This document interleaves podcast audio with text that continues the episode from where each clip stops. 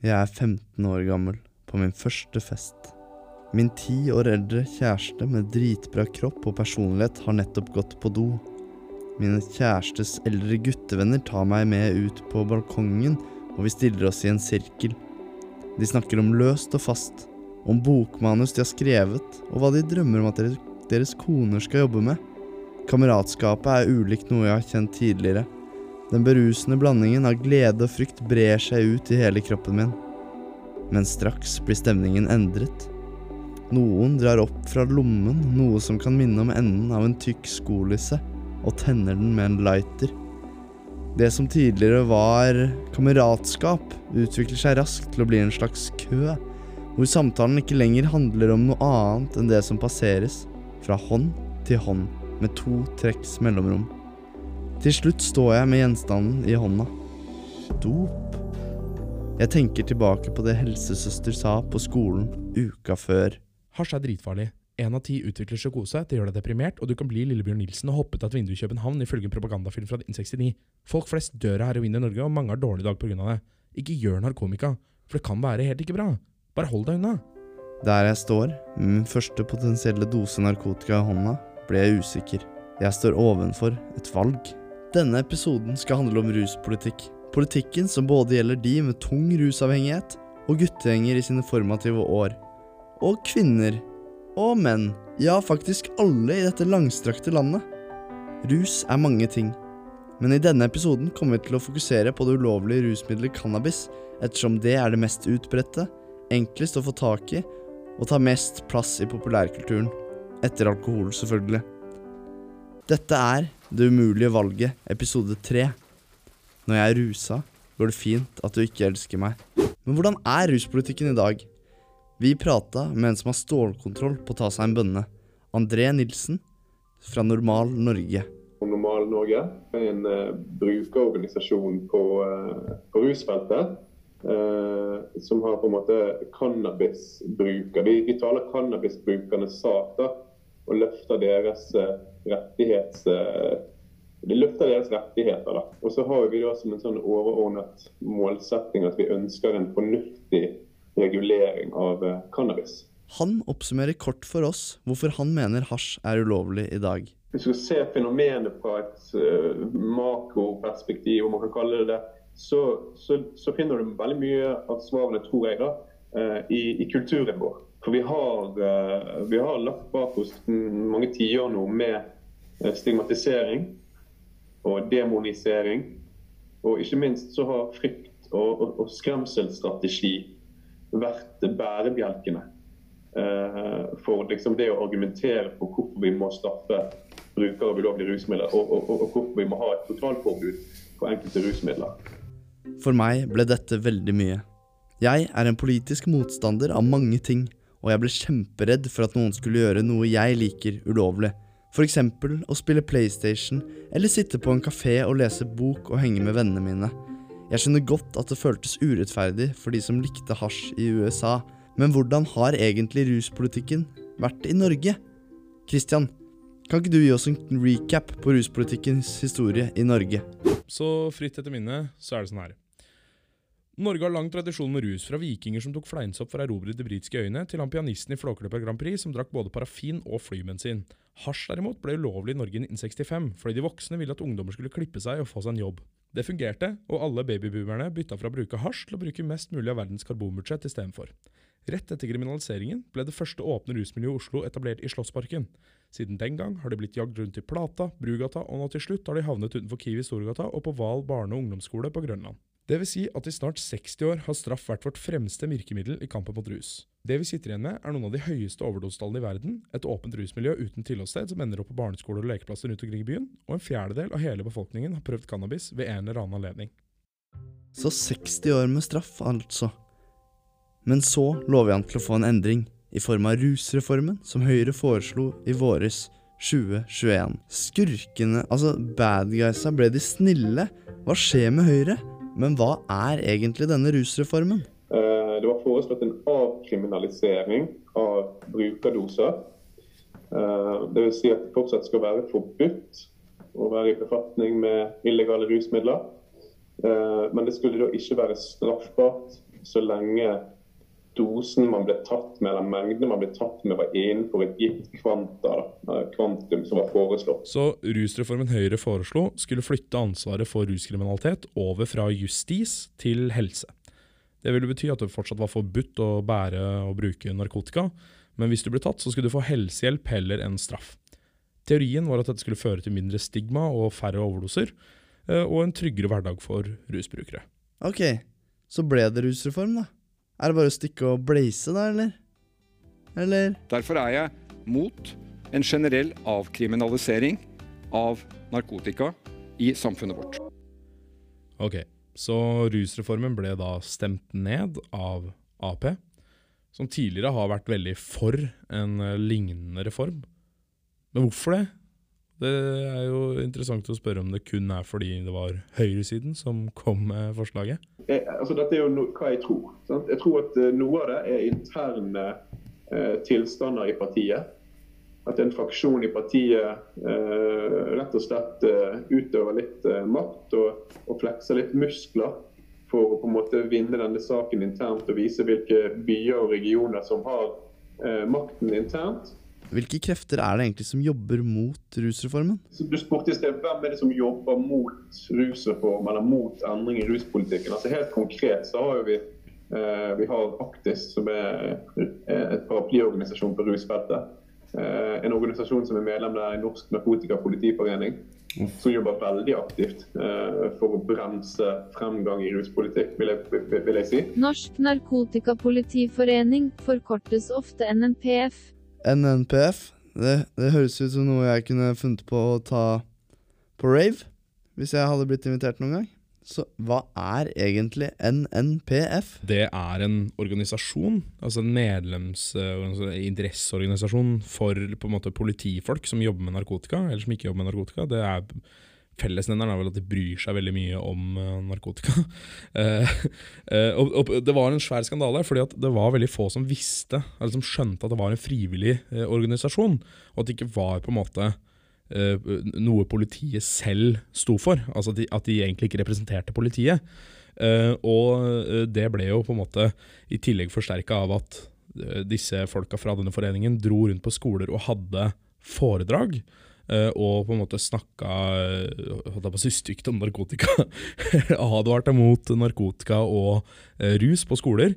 Iført, altså ikledd full politiuniform, men representerte ikke politiet. De representerte denne foreningen. Og I tillegg så ble det avslørt at uh, politiet hadde betalt medlemskontingent over lønnsslippen. Uh, så det var ekstrem mengde rolleblanding. Mm. Så, så, um, ja, og så var det jo en tillegg en skandale i, eh, på Sørlandet, hvor det hadde vært eh, Det er noe som heter Bry deg uteliv. De har en kampanje som heter Bry deg, eh, som handler om at man ikke skal tillate kjøp og salg eller bruk av narkotika på um, utesteder. Som i, og for seg er helt kurant, det.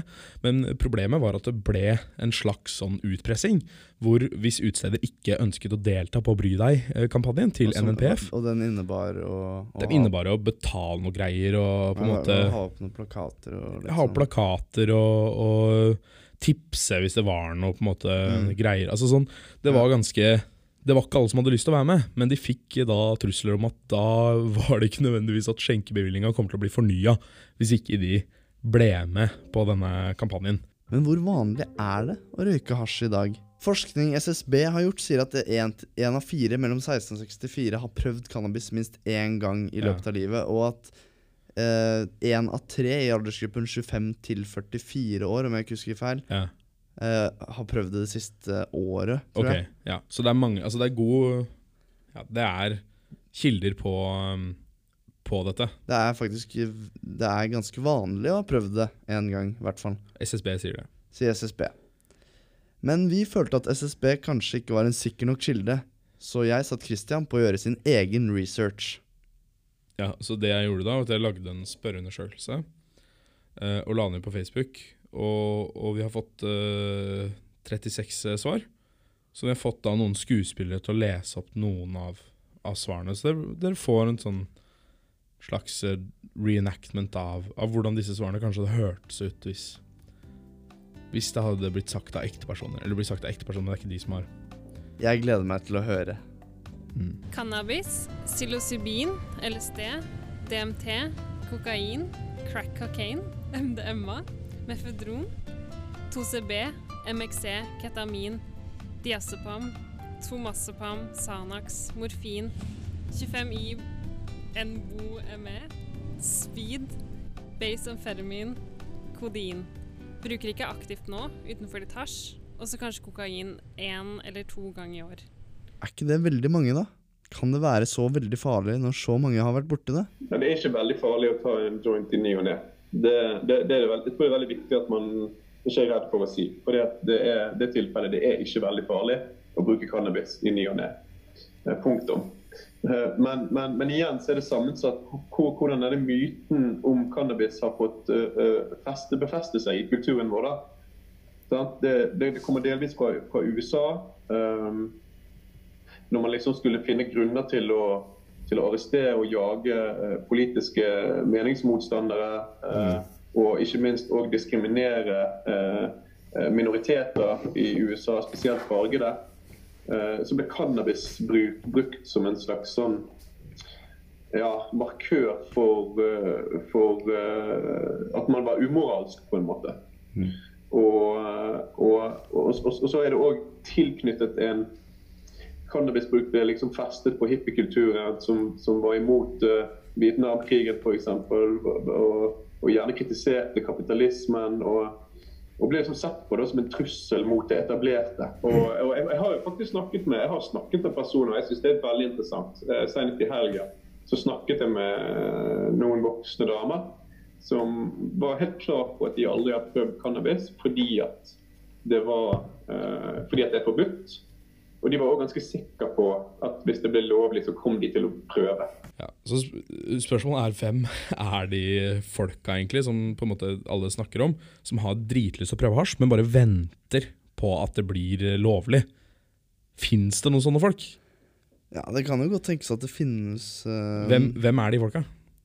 Hvem er de? Det må jo være noen som er uh, veldig pliktoppfyllende, men også veldig progressive da, i, Ja. i sitt russyn. eh, men som da er redde for å bryte regler. Så de er opptatt av å være gode borgere. Sånn typisk flink pike eller flink dude. eh, Det er, det er Venstre, jo. Det er Venstre. Ja. ja, det er derfor de er for legalisering. De har, de har dritlyst til å prøve det, men de har ikke De tør ikke å prøve det før det blir lov. Nei.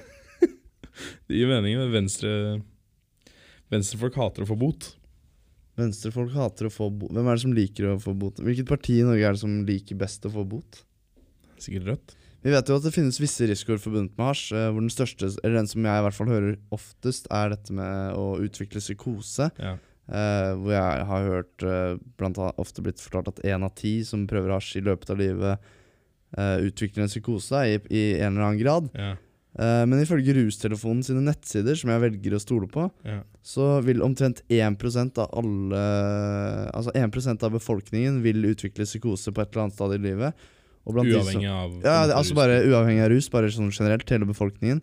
Mm. Og blant de som, uh, som prøver Eller blant de som har vært borti cannabis, så vil 2 okay. uh, være Altså utvikle psykose. Så Så vi det er- en dobling, da. Ja, det er dobbelt så Du har dobbelt så høy risiko Ja. hvis du røyker cannabis. Eller Ja. Ja. Så er ikke det et argument for å ikke dekriminalisere cannabis? Kristian, hva tenker du? Uh, nei, altså jeg tror, Det spørsmålet er jo at det, jeg vet ikke om noen på en måte gjør rede for om det er pga. cannabis, eller om det er på en måte pga.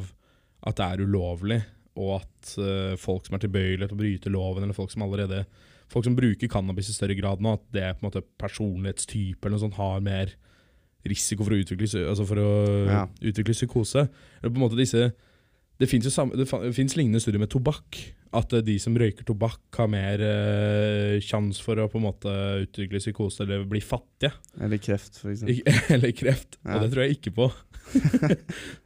Nei, men, Nei, men jeg skjønner ja. at det er ikke samme Du har ikke er samme ikke utgangspunkt. Det er ikke nødvendigvis at det er en sammenheng, selv om det på en måte tallene Altså Hvis man bare skal tro tallene, så kan man tro det er en sammenheng.